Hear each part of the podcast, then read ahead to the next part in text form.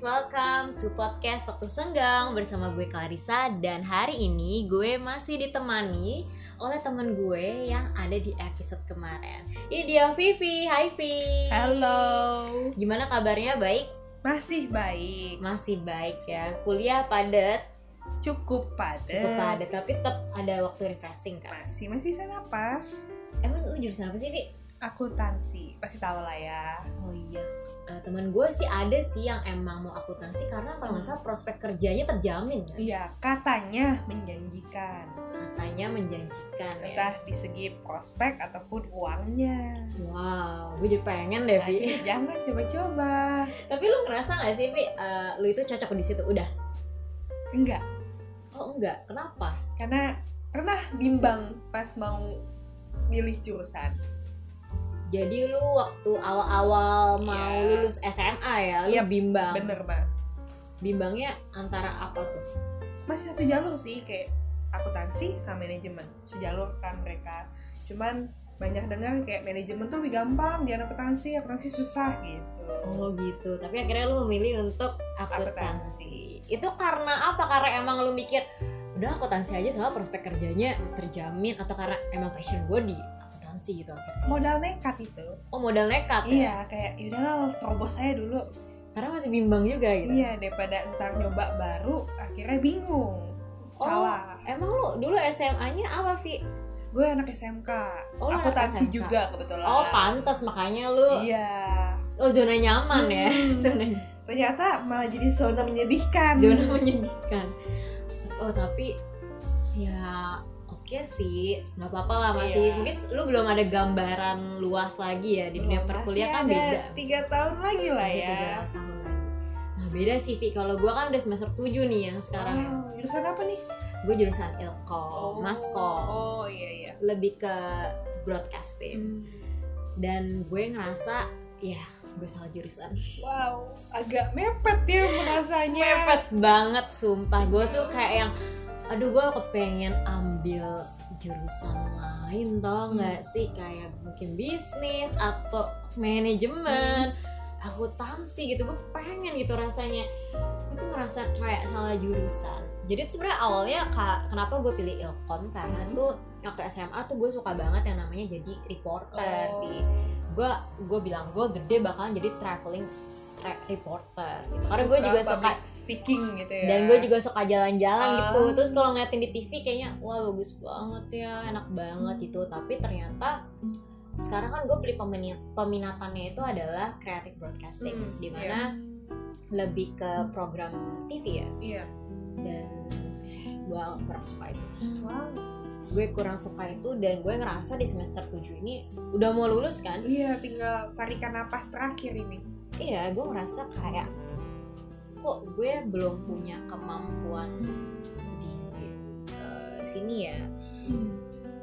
Tapi gue kayak yang males gitu loh buat ngegali lagi karena tuh gue kayak udah nggak tertarik. Bosan kali ya. iya mungkin. Atau gue juga orang gampang bosenan gue juga nggak tahu. Jenuh ya. makanya di semester 7 ini gue cobalah ikut program project management. Itu jauh banget gak sih Fik dari eh, jurusan gue Jauh itu lintas jurusan itu banget jurusan itu. dan ternyata apa gue suka Wow.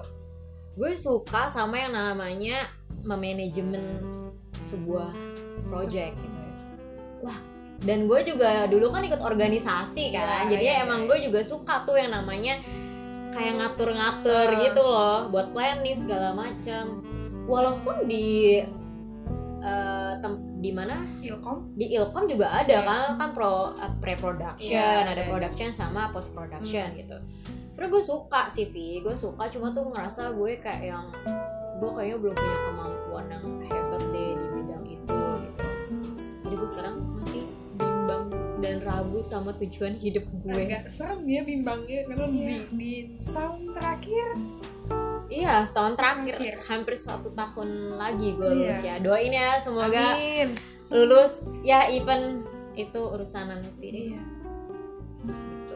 Tapi ini pendengar kita juga kayak gitu gak sih? Ada yang ragu gak sih sebenarnya kayak gue tuh kuliah cocok jurusannya cocok nggak sih? Atau sebenarnya gue salah jurusan juga gitu. Ayo kalian yang merasa salah jurusan katakan saya. tapi tenang aja guys. Itu sebenarnya wajar. Wajar banget. wajar. Dan ini dinamakan quarter life crisis. Jadi Ya. oke sebelum kita lebih eh, dalam ya ngomongin Hmm. quarter life crisis itu kita harus tahu dulu apa sih itu quarter life crisis. Jadi apa quarter life crisis itu adalah sebuah periode nih seseorang mulai mempertanyakan kembali gitu sebenarnya apa yang sudah aku lakukan selama ini apa aku udah buat keputusan yang baik atau belum gitu jadi ya kayak gue tadi sebenarnya gue tuh ngelakuin yang terbaik gak sih gitu ya. dan gue masih ragu sama tujuan hidup gitu Hmm.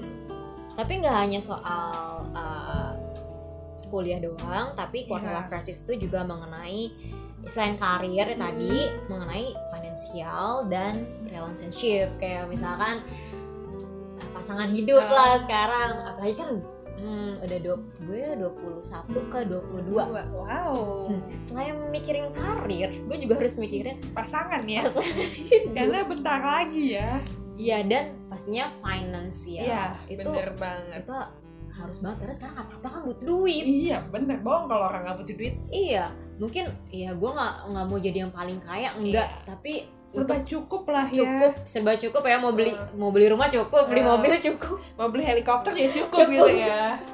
ya itu adalah financial yang apa itu juga termasuk yang crucial juga ya karena hidup tanpa finansial juga nggak mungkin sekarang Bener. jadi itu udah ragu banget gitu loh Bener. Tapi ternyata apa sih pemicunya Vi Iya, apa tuh? jadi pemicunya itu pertama tuh kalau gue ya Hmm. sebenarnya gue banyak ya pemicunya cuma dari gue sendiri adalah media sosial sih Iya. kalau untuk sekarang ya Hmm. karena di media sosial itu kita kayak bisa ngeliat kehidupan orang lain gila ya teman kita udah udah jadi ini ini ini Iya. di umuran kita gitu sedangkan kok gue kayak gini gini aja Nggak gitu berkembang jadi apa-apa Iya. gitu. dan itu yang memicu kita untuk mempertanyakan kembali Hmm. gitu kan sebenarnya apa yang gue lakuin tuh udah baik belum sih apa gue salah jurusan atau gimana gitu kan Tadinya udah mantep ya, tapi gara-gara ada itu kita ke distract. iya padahal di media sosial itu kan belum tentu apa yang mereka Tunjukin. tunjukin adalah kehidupan asli mereka ya. Iya, tapi itu kayak percaya aja Heeh. gila ya kalau ngeliatin mereka gila ya keren banget Iya, bener. gitu. Padahal kayak misalkan orang pacaran nih baik-baik di depan di Iya, tahu-tahu. sosial media tapi kita nggak tahu di belakangnya mungkin dia juga sering berantem juga kita nggak tahu ya Vi ya tahu kita dapat endingnya cuman tahu udah putus gitu nah ya. ya kita juga nggak tahu gitu out gitu. itu dia makanya kalau menurut gue itu sih eh, media sosial. Kalau menurut lo apa pemicunya? Kalau gue sih orang terdekat sih kayak oh lingkungan? Iya, kayak Oh, didesak oleh lingkungan kayak eh kamu umur segini masih gini aja no lihat dong dia umur segini udah kayak gini gini gini. Itu kayak juga bener banget sih. Wow. Kayak teman-teman deket kita Iya, ya.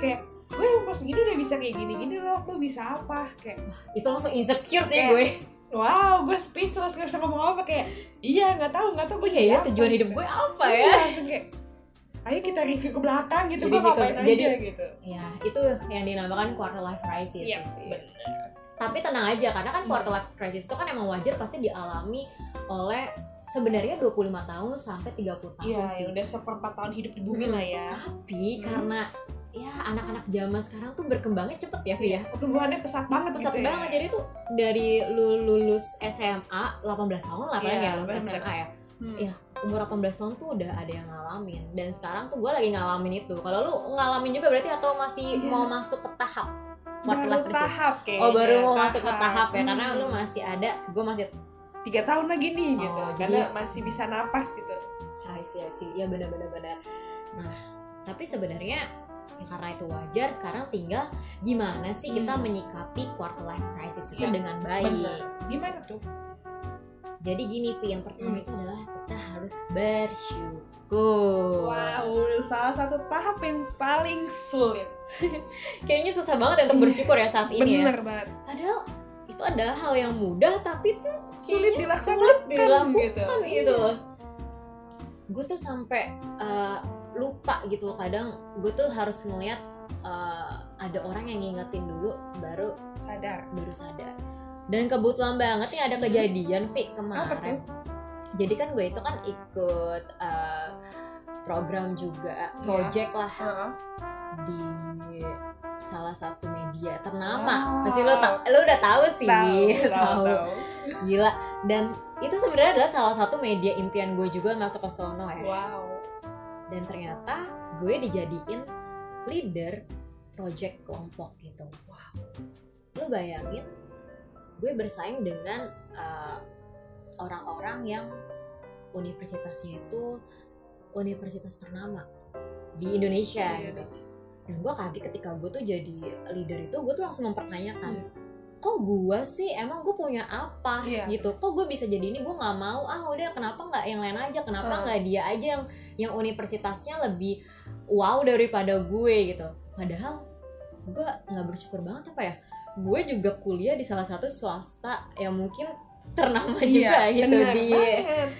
di Indonesia mungkin dan di hampir di dunia juga maksudnya kayak emang udah cukup terkenal cukup lah. terkenal gitu tapi tuh mungkin kalau dibandingin lagi sama univ- universitas negeri yang ada di Indonesia tuh kayaknya gue ngerasa kayak dia kayaknya lebih cocok daripada gue gitu jadi gue merasa insecure.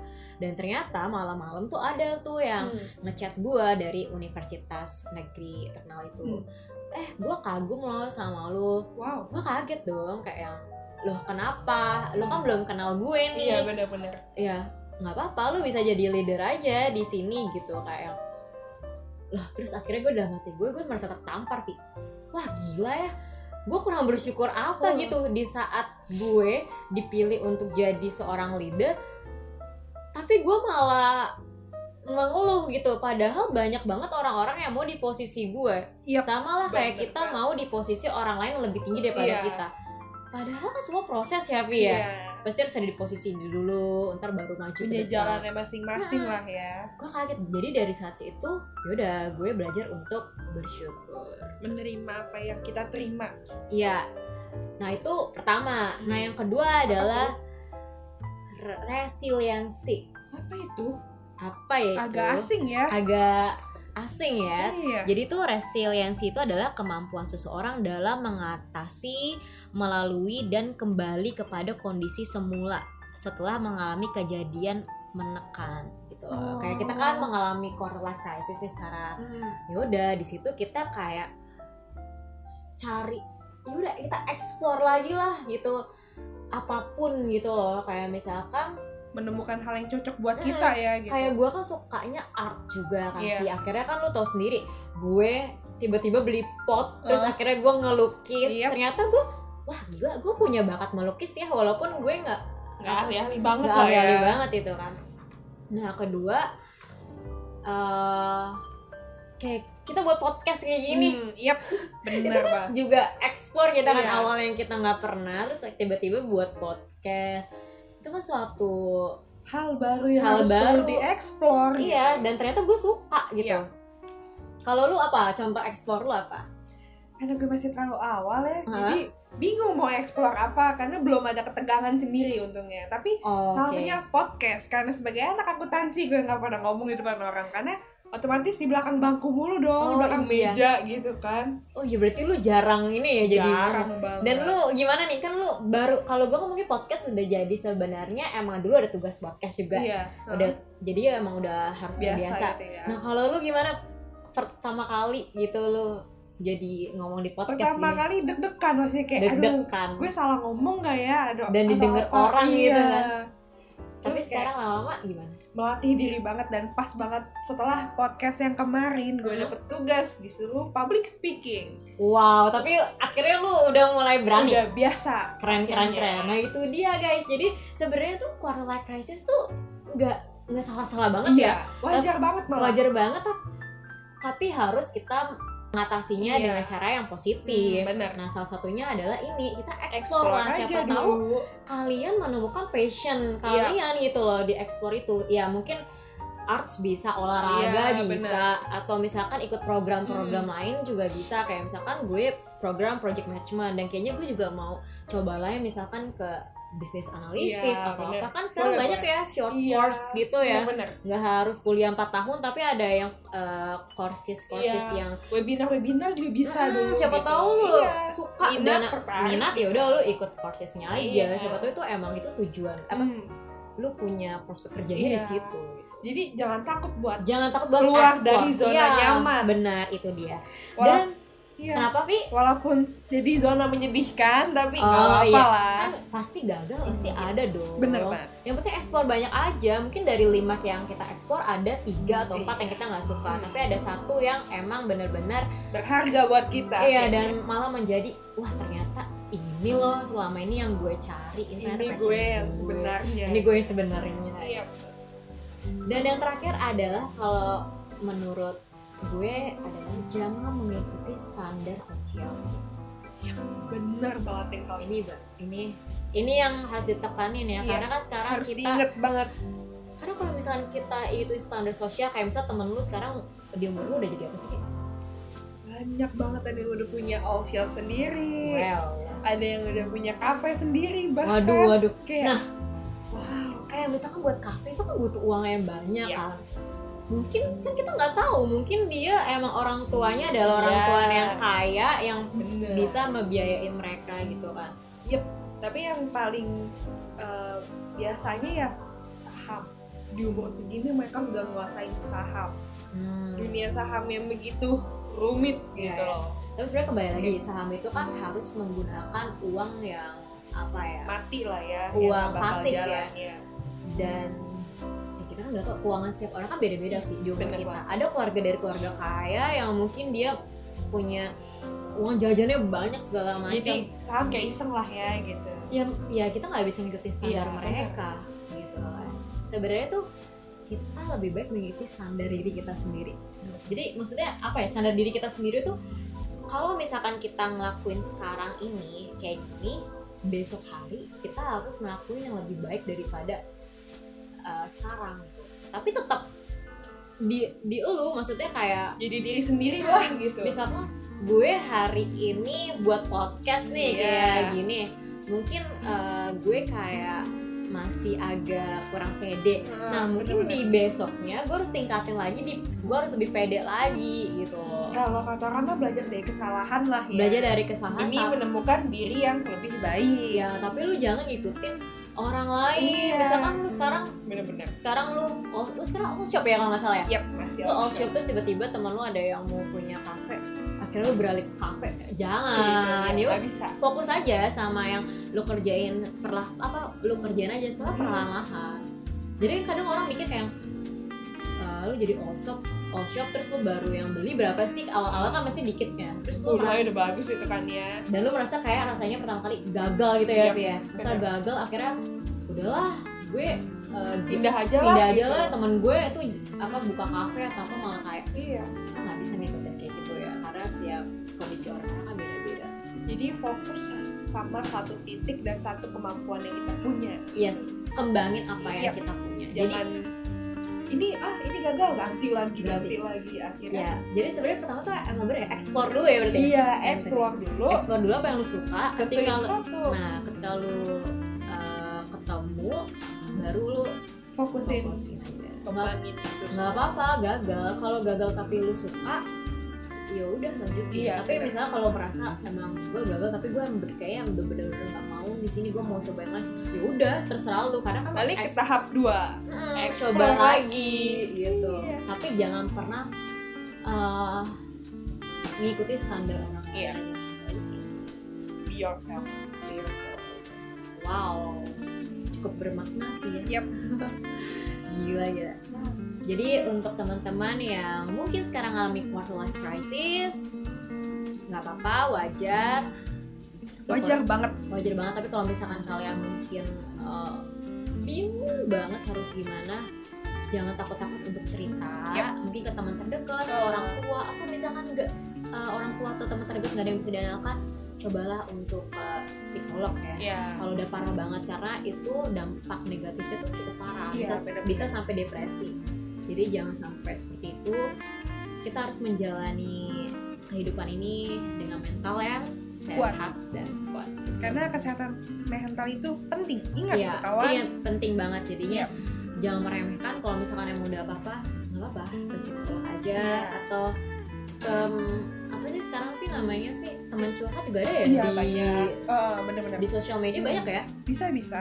Kalau kalian emang percaya ya udah Iya. ya apa-apa jadi itu aja sih untuk hari ini ya Iya. ya oke kita ketemu lagi di episode selanjutnya. Kita bakal ngomongin apa? Kita belum tahu juga. Iya, kan kita dadakan. Kita dadakan pokoknya yang kita alami Iya, gitu ya yang kita alami dan mungkin yang kalian juga alami. So thank you so much Vi udah Iya, thank you. mau ini juga podcast bareng gue. Dan Iya. terima kasih juga untuk teman-teman yang dengar. Oke see you guys in the next episode. Bye bye, Bye.